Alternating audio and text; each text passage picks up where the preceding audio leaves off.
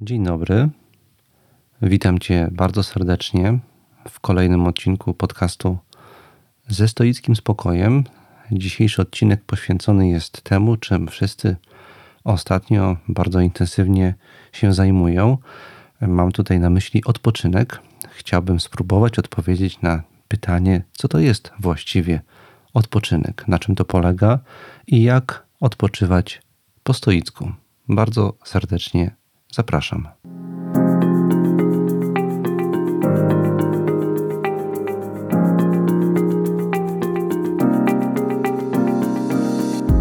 Mamy ograniczony wpływ na to, gdzie i pośród jakich ludzi żyjemy. Nie my decydujemy, co nam się codziennie przydarza. Od nas jednak zależy, jak to przyjmujemy i jakimi stajemy się ludźmi. Nazywam się Tomasz Mazur, jestem współczesnym praktykującym stoikiem i zapraszam do wysłuchania mojego podcastu ze stoickim spokojem.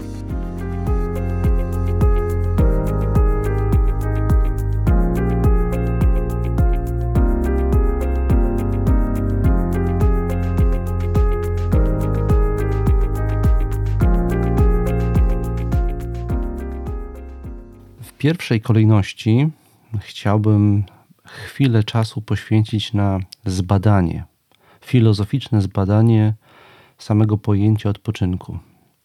W jakim znaczeniu potocznie używamy tego pojęcia, jakie używanie tego pojęcia ma ukryte założenia i jakie można by tutaj wprowadzić różne typy, różne formy odpoczywania. Tym, e, temu chciałbym się w pierwszej kolejności przyjrzeć. Sądzę, że potocznie rzecz biorąc i przyglądając się temu, jak my potocznie używamy pojęcia odpoczynku, wypoczynku, używamy go w co najmniej dwóch różnych, częściowo nakładających się na siebie znaczeniach, częściowo nie. A więc z jednej strony, mówiąc o odpoczynku, mamy na myśli pewnego rodzaju konieczność, podczas gdy z drugiej strony mamy na myśli pewnego rodzaju wolność. Chciałbym to w pierwszej kolejności wyjaśnić, co mam tutaj na myśli.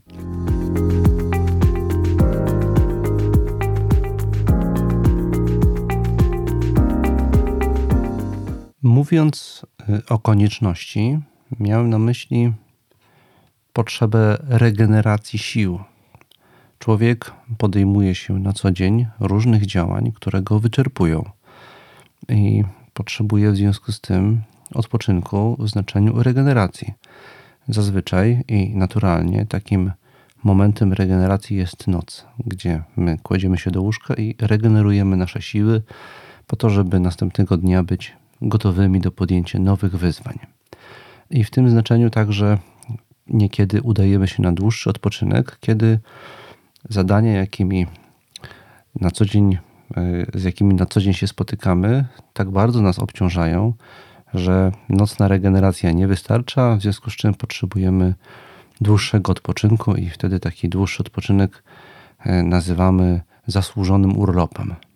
Jednak z drugiej strony e, odpoczynek kojarzy się i jest rozumiany w kontekście pojęcia wolności, które wydaje się być zupełnie przeciwne, być przeciwieństwem pojęcia, e, pojęcia konieczności, które wyjaśniałem wcześniej.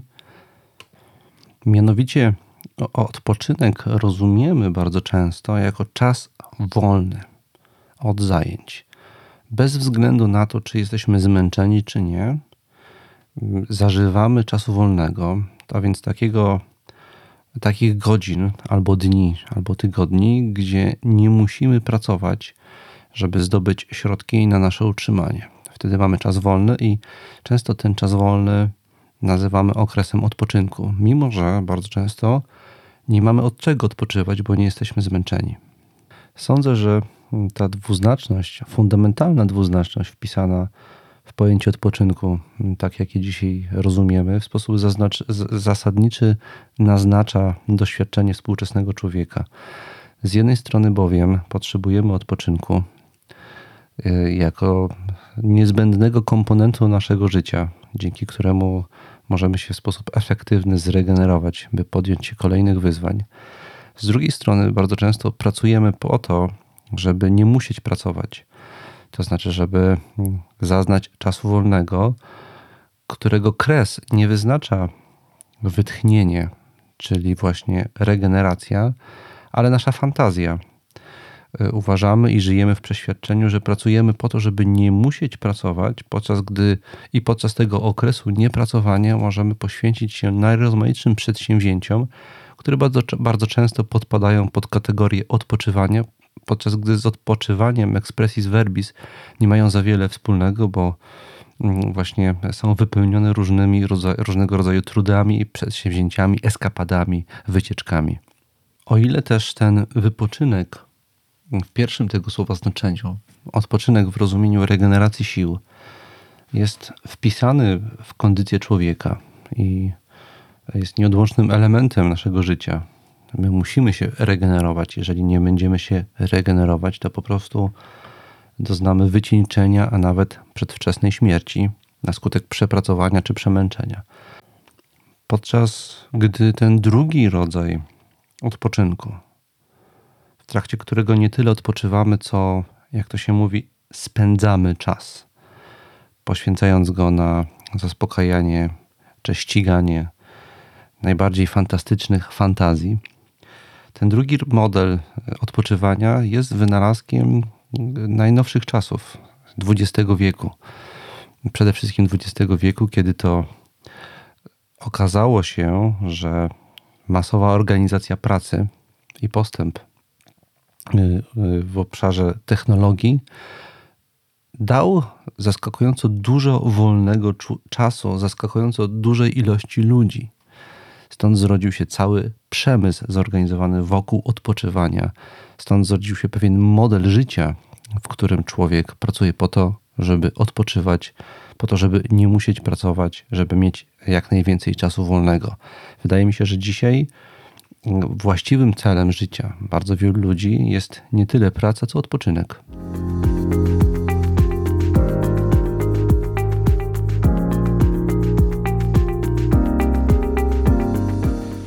Ta ostatnia uwaga pozwala mi przejść już do stoików. Zacznę od Marka Aureliusza, który na początku piątej księgi rozmyślań, w pierwszym wpisie tejże księgi pisze, cytuję: Rankiem, gdy się niechętnie budzisz, pomyśl sobie, budzę się do trudu człowieka. Czyż więc czuć się mam niezadowolony, że idę do pracy, dla której się zrodziłem i, zes i zesłany zostałem na świat? Czy na tom stworzony bym się wygrzewał, wylegując się w łóżku? Ale to przyjemniejsze. Czyż zrodziłeś się dla przyjemności? Czyż nie do trudu, nie do pracy? Czyż nie widzisz, jak roślinki, wróbelki, mrówki, pająki, pszczoły czynią, co do nich należy – a stosownie do sił swoich przyczyniają się do harmonii świata, a ty nie chcesz czynić tego, co jest człowieczym, nie spieszysz do obowiązków nałożonych przez Twą naturę? Koniec cytatu. Możemy się domyślać, że bezpośrednim powodem tej notatki było napomnienie, jakiego cesarz Marek Aureliusz udzielił w ten sposób samemu sobie do natury funkcji cesarza należy, że y, wiąże się ona z bardzo dużą ilością obowiązków i trudów. Mm, więc możemy sobie wyobrazić Marka Aureliusza, który chciałby rano dłużej pospać albo oddać się przyjemniejszym zadaniom mm, czy aktywnościom, takim jak czytanie jakiejś książki stoickiej, niestety nie może tego uczynić. Zmuszony jest do wstania, być może bardzo wczesnego, i podjęcia codziennych, rutynowych, cesarskich obowiązków, i nie chce mu się tego zrobić, nie chce mu się do tego zabrać, więc w ten sposób upomina sam siebie, przypominając, że każdy zajmuje w, w życiu jakąś rolę przydzieloną mu przez los i że to jest część natury, nie tylko człowieka, po prostu natury każdego stworzenia. Każde stworzenie z racji posiadania określonych cech wykonuje nieustannie różne czynności. Możemy sobie mm, w ten sposób wyjaśnić powody tego wpisu, jednak tłem teoretycznym tego wpisu jest podstawowa stoicka doktryna głosząca, że człowiek realizuje się w trudzie, a nie w odpoczynku. Odpoczynek traktowali stoicy całkowicie instrumentalnie e, i im, krótszy w związku z tym jest, tym lepiej, podczas gdy uczucie szczęścia i spełnienia bierze się z tego, że wyznaczamy sobie ambitne cele, te, które akurat stają na naszej drodze. To nie, nie wymaga jakiegoś specjalnego szukania tych celów nawet. I w realizacji tych celów doświadczamy uczucia spełnienia. Przypomina mi się w tym kontekście często przywoływana przeze mnie właśnie z tego powodu teoria współczesnego amerykańskiego e, psychologa pochodzenia rumuńskiego, Michalija Csikszentmihalija, który jest mm, autorem dość znanej teorii przepływu. W wersji angielskiej używa on określenia flow. Bardzo często w języku polskim też właśnie tego pojęcia się używa, żeby y, określić tę teorię. Michali, Csikszentmihalyi, y, robiąc eksperymenty i przeprowadzając badania i wywiady z ludźmi na całym świecie, odkrył, że ludzie opisujący swoje życie jako spełnione i szczęśliwe zazwyczaj przypisują ten stan nie doświadczeniu nierobienia niczego, odpoczywania od wyzwań, od czegoś, tylko przypisują ten stan właśnie wysiłkowi, intensywnemu wysiłkowi, którego doświadczamy w realizacji ważnych dla nas celów. W ten sposób stoicy definiują pracę. Praca jest to wysiłek w realizacji tego, co dla nas ważne. Jeżeli ktoś pracuje i nie czuje tego, to znaczy, że niewłaściwie zabiera się do swojej pracy i dlatego potrzebuje odpoczynku. To jest pierwsza i podstawowa odpowiedź stoicka dla wszystkich ludzi, którzy pracując marzą o wakacjach.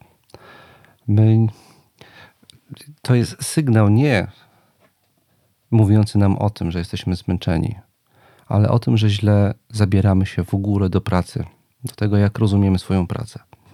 Jednak temu rozumowaniu, czy temu tak przedstawionemu modelowi myślenia o pracy, można by zarzucić, że abstrahuje trochę od sytuacji, w jakiej funkcjonuje współczesny człowiek. My nie wybieramy sobie pracy takiej, jakbyś, jaką byśmy pragnęli wykonywać. My bardzo często musimy podjąć pracę taką, jaka jest dla nas dostępna, i z prawie każdą, z prawie każdą pracą wiąże się szereg działań, które nie sprawiają nam żadnej satysfakcji, których nie wykonujemy w, dążeniu do żadnych ważnych dla nas celów, które po prostu są koniecznością koniecznością, którą musimy zrealizować, żeby móc normalnie w ogóle funkcjonować. Problemem współczesnego człowieka, jakby powiedział inny amerykański autor, filozof Herbert Marcuse, autor książki Człowiek jednowymiarowy. Problemem współczesnego człowieka jest to, że praca, którą podejmuje, bardzo często jest bardzo płaska duchowo, jeżeli mogę się tak powiedzieć, mogę się tak wyrazić w sensie takim, że angażuje tylko bardzo wąski wymiar naszego człowieczeństwa. Y, angażuje do wykonywania rutynowych działań, podczas gdy całe obszary tego, kim jesteśmy, całe, całe różne ukryte potencjały naszej osobowości pozostają nietknięte. W związku z tym Marcuse mógłby powiedzieć, że człowiek współczesny łaknie wypoczynku i wytchnienia, dlatego że łap, łaknie bardziej wielowymiarowej egzystencji. Stąd mm, podczas czasu wolnego, podczas wakacji e, udaje się na najróżniejsze eskapady, nie po to, żeby odpocząć, ale po to, żeby odnaleźć głębszy wymiar samego siebie. Chociaż nie zawsze mu się to udaje. Myślę, że przeniesiony we współczesne czasy Marek Aureliusz odpowiedziałby e, na taką analizę kondycji współczesnego człowieka, odpowiedziałby, że no jest, jest to ewidentnie pułapka. Pułapka, która na, dłuższą metę degraduje człowieka, e, odziera go z wszystkiego, co w jego życiu naprawdę ważne. i umieszczę go w takiej klatce między pracą, która wyczerpuje go przez cały rok, i dwutygodniowym, łapczywym szaleństwem poszukiwania samego siebie, które nigdy nie jest mm, wystarczające. Dlatego jedynym rozwiązaniem jest przyjrzenie się swojej karierze zawodowej i próba zmiany swojego środowiska pracy. Nie mówię tutaj od razu o konieczności zmiany pracy, ale o czasami o zmianie spojrzenia. Bardzo często jest tak, że my nie dlatego męczymy się w swojej pracy i potrzebujemy odpoczynku, że jest ona nużąca, tylko dlatego, że my sami zabieramy się do niej w sposób wielowymiarowy, wyłącznie w sposób rutynowy, podczas gdy w każdym środowisku pracy są wymiary, na przykład wymiar relacyjny, który możemy uczynić mm, y, istotnym dla nas w codziennych naszych obowiązkach. Zamiast wyłącznie skupiać się na realizacji zawodowych zadań, spójrzmy na to, z kim e, przyszło nam na co dzień współpracować. E, wykorzystajmy, wykorzystujmy codzienne wyzwania do tego, żeby stawać się na przykład lepszymi ludźmi i uczyńmy to częścią naszej pracy.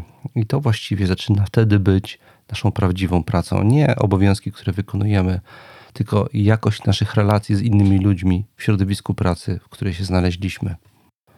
Podsumowując ten wątek i ten cytat z Marka Aureliusza, chyba najchętniej powiedziałbym, że miernikiem dobrej pracy jest, że nie łakniemy wakacji.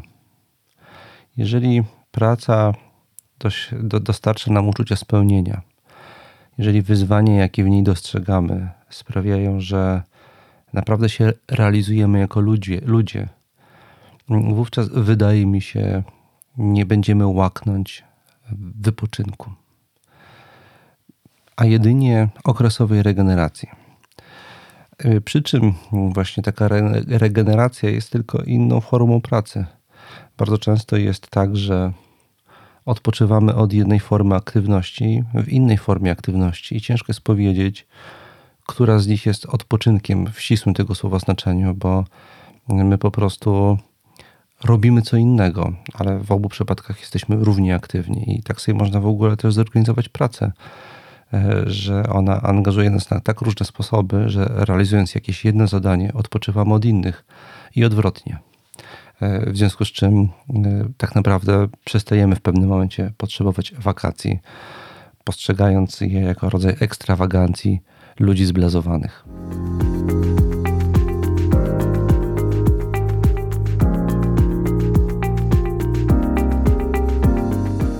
Ale znowuż jednak, wbrew temu, co powiedziałem właśnie przed chwilą, wydaje się, że możemy znaleźć jeszcze inny powód, czy inną okoliczność usprawiedliwiającą w oczach stoika udanie się na urlop, e, na jakiś wyjazd w, w zaciszne miejsce, by zaznać wytchnienie czy wypoczynku.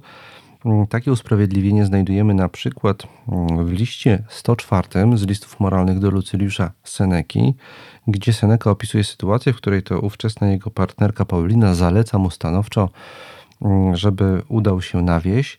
Powodem tego zalecenia jest mm, e, wycieńczenie, przemęczenie Seneki, które ona dostrzegła i e, widząc e, pierwsze objawy choroby, zaleciła, udanie, zaleciła mu udanie się do, do posiadłości wiejskiej. I Seneca mm, w liście tak komentuje to, adresując ten list do Lucyliusza. Cytuję – Pytasz pewno, jak też wypadła moja podróż. Gdy tylko wydostałem się z ciężkiego miejskiego powietrza, tudzież z owych wyziewów dymiących kuchni, które, gdy się w nich pogrzebie, wraz z popiołem wyrzucają cały stłoczony tam dotychczas a szkodliwy kopeć, zaraz odczułem zmianę w stanie zdrowia. A czy zdajesz sobie sprawę, jak wiele siły przybyło mi potem, gdym dostał się do winnic? Poczułem się niby puszczone na pastwisko bydlę, które odnalazło swój pokarm. Znowu tedy przeszedłem, przyszedłem do siebie. Owa słabość zostającego w przykrym położeniu oraz źle usposobionego ciała już się dłużej nie utrzymała. Całą duszą zaczynam znów przykładać się do nauk. Miejsce pomaga tu niewiele, jeśli nie wesprze siebie sam duch, który, skoro tylko zechce, znajdzie sobie ustronie nawet pośród zajęć. Ten zaś, kto tylko stara się dobrać sobie najlepszą okolicę i gorliwie zabiega o wolny czas, wszędzie napotka coś takiego, co go rozproszy. Wszak Sokrates na czyjąś skargę, że podróże nic mu nie pomogły, miał podobno rzec. Całkiem zrozumiałe, że ci się to przytrafiło. Przecież wszędzie jeździłeś ze sobą. O, jak dobrze powodziłoby się niektórym, gdyby mogli oddalić się od siebie samych. Teraz sami sobie dokuczają, sami siebie drażnią, psują i straszą. Cóż pomoże przebywanie mórz i przenoszenie się z miasta do miasta, jeśli chcesz pozbyć się tego, co cię dręczy, trzeba nie żebyś był gdzie indziej, lecz żebyś sam stał się inny. Przypuśćmy, żeś przybył do Aten, żeś znalazł się na Rodos. Obierz miasto wedle swego upodobania. Cóż jednak ma do rzeczy okoliczność, jakie tam panują obyczaje, skoro przywieziesz swoje własne. Koniec cytatu. No więc po kolei. W pierwszej kolejności Seneca zwraca nam uwagę, iż niekiedy warunki, w jakich przyszło nam pracować, mogą być dla naszego organizmu obciążające. Stąd, aby oczyścić się i nabrać sił, potrzeba jest e, regeneracji w innym miejscu niż w tym, w którym na co dzień przebywamy. Tutaj e, Seneca narzeka na gwar i opary wielkiego miasta. Ja dodałbym e, z perspektywy współczesnego człowieka, że takim szkodliwym albo po prostu bardzo uciążliwym, utrudniającym nam normalne funkcjonowanie środowiskiem jest środowisko elektroniczne. Na co dzień Dzisiaj w życiu zawodowego prawie każdego człowieka jesteśmy nieustannie bombardowani przez bodźce elektroniczne, w związku z czym bardzo przydatna, a wręcz zbawienna czasami jest dieta e, niskoelektroniczna, jeżeli mogę tak się wyrazić, albo wręcz całkowita asteza elektroniczna i ja wraz z wieloma współpracującymi ze mną stoikami zalecamy sobie nawzajem dość często właśnie zażywanie astezy elektronicznej. Urlop jest mm, czasem, w którym y, można to przeprowadzić bez żadnych poważniejszych konsekwencji. W związku z czym wielu z moich znajomych, wyjeżdżając na urlop, świadomie odcina się od środowiska elektronicznego, przestaje używać komórki, nie sprawdza maila, mm, ogranicza także inne aktywności, jak oglądanie y, seriali na Netflixie, czy tym podobne. I to mm, dostarcza im właśnie pewnego rodzaju wytchnienia i, i, zupełnie innego rodzaju regeneracji, która jest niezbędna być może w dzisiejszym świecie. Więc na taką okoliczność zwraca już Seneca. Czasami musimy, mm, musimy zmienić środowisko, żeby zregenerować nasz organizm. Być może jest to wręcz niezbędne dzisiaj. Ale jednocześnie Seneca w tym samym fragmencie zwraca uwagę na to, że nasz wypoczynek nie będzie udany, nie zregenerujemy pewnych obszarów naszej osobowości, jeżeli zabierzemy na wyjazd ze sobą nasze przywary. A jest to bardzo często po prostu nieuchronne, stąd ta anegdota z Sokratesem. Cóż ci z tego, że udałeś się na urlop, skoro E, główny powód Twojego przemęczenia masz ze sobą, a jesteś tym, a jesteś tym powodem Ty sam. E, niektórzy nie zaznają wypoczynku, jeżeli nie, nie nauczą się odpoczywać od siebie samych, jeżeli nie podejmą rzeczywistej, pogłębionej pracy nad zmianą całego szeregu swojego, swoich nawyków i przyzwyczajeń, które właśnie generują przemęczenie niezdolność skupienia się na niczym, albowiem duch nasz nieustannie pobudzony, szukający nowych pobudzeń, błądzi i nie znajduje wytchnienia.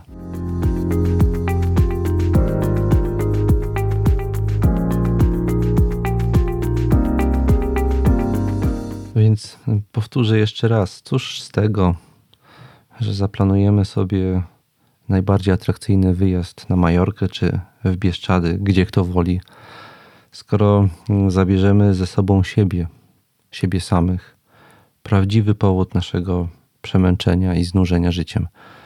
Więc planując taki wyjazd, może trzeba najpierw sobie w głowie poukładać i zaplanować, że jakieś części samych siebie zostawimy w domu. I być może, jeżeli się tego nie nauczymy, to nie ma co pchać się do egzotycznych krajów, bo wrócimy jeszcze bardziej zmęczeni. To y, pozwala mi przejść, mm, ta ostatnia uwaga, już do stałej części mojego podcastu, czyli do listów od słuchaczy, czy różnych komunikatów i zapytań, które dostaję w różnych sytuacjach. Mm, otóż zdarzyło się, że niedawno też dostałem właśnie pytanie w kontekście odpoczynku. Brzmiało ono, jak dać sobie prawo do odpoczynku. No właśnie, mm, ja powiem, jak rozumiem to pytanie. Rozumiem je w ten sposób, że mm, bardzo wielu współczesnych ludzi, pragnąc wprawdzie odpoczynku, jednocześnie zupełnie nie umie odpoczywać. Dlatego, że do wszystkich aspektów swojego życia nauczyliśmy się podchodzić w sposób zadaniowy. Tak jak zadaniowo podchodzimy do wyzwań, z jakimi na co dzień spotykamy się w życiu zawodowym, podobnie zadaniowo podchodzimy do zaniedbanych normalnie w czasie zwykłych, rutynowych obowiązków obszarów naszej egzystencji. Także kiedy przychodzi czas wolny, chcemy czym prędzej nadrobić to, co wydaje nam się zaniedbaliśmy, w związku z czym natychmiast pojawia się cały szereg zadań, gdzie nie potrafimy sobie odpuścić i gdzie nie, niezrealizowanie któregoś z tych zadań poczytujemy sobie jako porażkę i sprawiamy ten sposób, w ten sposób, że doświadczamy e, w czasie e, przeznaczonym na odpoczynek wyłącznie frustracji. Ja podzielę się doświadczeniem, mianowicie takim, że byłem niedawno na wyjeździe, właśnie takim stoickim, regenerującym, intensywnym. Wybrałem się na tygodniową wyprawę rowerową, żeby zaznać kontaktu z naturą i z samym sobą.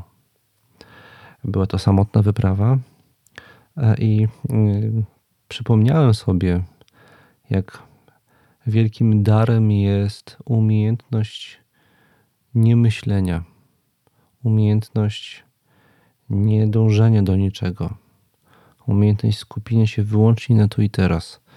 Podczas podróży skupiałem się wyłącznie na trasie, na miarowym pedałowaniu, na sposobie funkcjonowania mojego ciała, na pokonywaniu kolejnych kilometrów. Starałem się nie myśleć zupełnie o niczym innym oprócz tego, że jadę, że zmierzam dzisiaj do takiego, a nie innego miejsca. E, przy czym też nie myślałem o tym, że muszę tam dzisiaj dotrzeć. Po prostu skupiałem się na tym, że jadę. I ten stan takiego odłączania od wszelkich wyzwań i zadań, wyzwań związanych z codziennym życiem, sprawił, że naprawdę odpocząłem, naprawdę się zregenerowałem i też kiedy wieczorami po całym dniu spędzonym na rowerze siadałem do swoich zwyczajowych stoickich lektur i przemyśleń i notatek, to znajdowałem e, cały szereg myśli, e, których nie odkryłbym w sobie spostrzeżeń i obrazów, których bym nie doświadczył, gdybym nie pozwolił sobie właśnie na ten dłuższy okres niemyślenia, nierozwiązywania problemów, nie zastanawiania się nad swoim życiem, co dalej i dlaczego dalej to, a nie coś innego. Czasami, i być może to jest jeden z patentów na wypoczynek, y, trzeba spróbować odpocząć od wszystkiego, to znaczy także od e, siebie samego, od tego, e, czym na co dzień zaprzątamy swoje myśli, od tego, co nas niepokoi. Umieć się od tego wszystkiego odłączyć.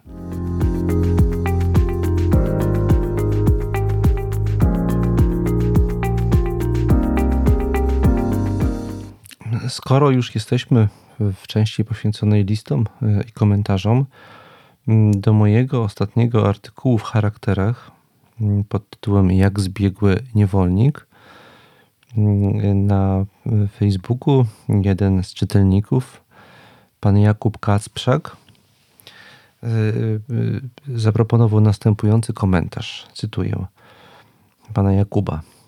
Mój stosunek do stoicyzmu jest pozytywny.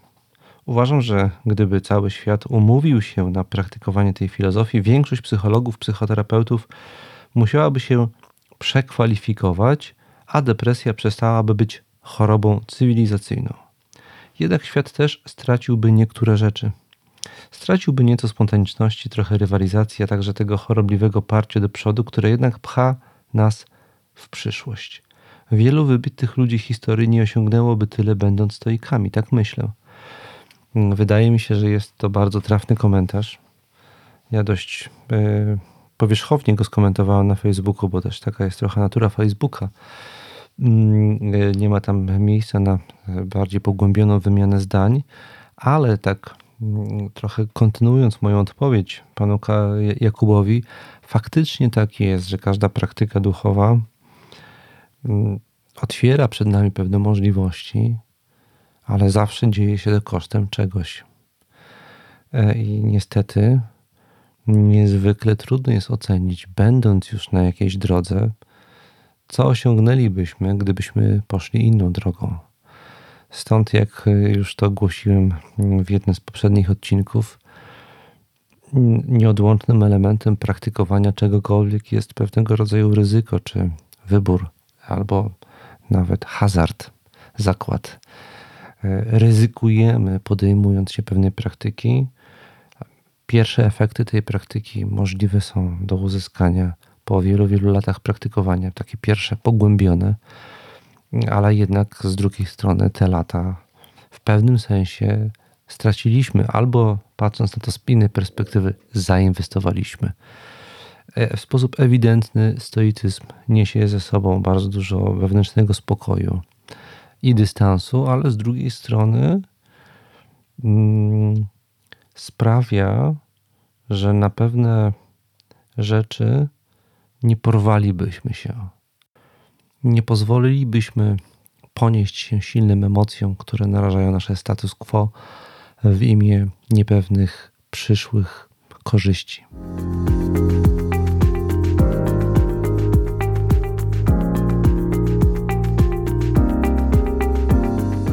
Tym wątkiem zakończę dział listów od słuchaczy i czytelników. Mm, a teraz przejdę do innego, dość stałego już elementu mojego podcastu, czyli do scen z życia stoickiego.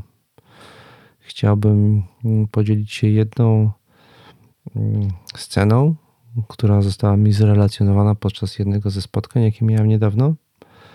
Mianowicie Poznałem opowieść pewnej pary, która spędziła ze sobą mm, wiele wspaniałych wspólnych lat. 50. Mm, I kiedy on odszedł, e, i e, ona, to ona e, uznała, że jej czas też już dobiega końca. I kiedy rok po śmierci męża zachorowała, i przychodzili do niej sąsiedzi, znajomi, mówiąc: Nie przejmuj się, wszystko będzie dobrze. Ona odpowiadała: Nie będzie dobrze, ale właśnie dzięki temu jest dobrze. Chodziło jej o to, że właśnie jest, była w pełni i całkowicie pogodzona z nieuchronnością odchodzenia z tego świata, z nieuchronnością umierania. I, i wedle relacji, jaką mi przedstawiono, była całkowicie pogodna, akceptująca każdą chwilę, mimo że każda chwila przybliżała ją do nieuchronnej śmierci. No i właśnie o taki spokój chodzi stoikom. Wszyscy umrzemy. Każdy dzień przybliża nas do śmierci. I, I, tylko akceptując to, co nieuchronne, potrafimy zyskać wewnętrzny spokój i pogodę ducha i nie dajemy sobie wmawiać osobom, które nie umieją się z tym skonfrontować, że wszystko będzie dobrze w rozumieniu takim, że na pewno będziemy żyli wiecznie. Nie będziemy żyli wiecznie. E, będą nas spotykały choroby i śmierć, ale to jest nieodłączna część ludzkiego życia i akceptując to, umiemy się cieszyć tym życiem w całości. Mm, to, był, to była scena z życia stoickiego, którego bezpośrednio, której bezpośrednio nie doświadczyłem, ale którą mi zrelacjonowano. A już całkiem na koniec dzisiejszego odcinka, za wysłuchanie którego bardzo dziękuję, chciałbym zaproponować pewne zadanie dla Ciebie jako słuchacza bądź słuchaczki. Mianowicie zadanie to e, składałoby się z dwóch elementów. Jeżeli planujesz urlop w najbliższym czasie, bez względu na to, jak długi miałby on nie być, proponuję e, spróbowanie ascezy elektronicznej, mm, to znaczy wyłączenie się całkowicie ze środowiska elektronicznego, poza ewentualnie, jeżeli jest taka konieczność, sprawdzenia połączeń telefonicznych wieczorem, czy na przykład ktoś z rodziny albo bliskiej osoby nie dzwonił z jakimś bardzo ważnym komunikatem, ale to na, na to naprawdę e, wystarczy mm, odrobinę czasu wieczorem. Więc poza tym wyjątkiem proponuję zastosowanie całkowitej estezy elektronicznej i obserwowanie, co się z Tobą dzieje podczas tej próby. I niech ona trwa trzy dni, albo nawet tydzień, albo nawet dwa tygodnie. E, proszę obserwować, co się z nami dzieje, co się z Tobą dzieje podczas tego eksperymentu. Mm, czy czujesz głód bodźców elektronicznych? Czy czujesz, że mm, cierpisz i łakniesz czegoś, czego doświadczasz dzięki stałemu przebywaniu w środowisku elektronicznym. Być może jest to y, symptom jakiejś formy uzależnienia, na którą prawdopodobnie wielu z nas cierpi.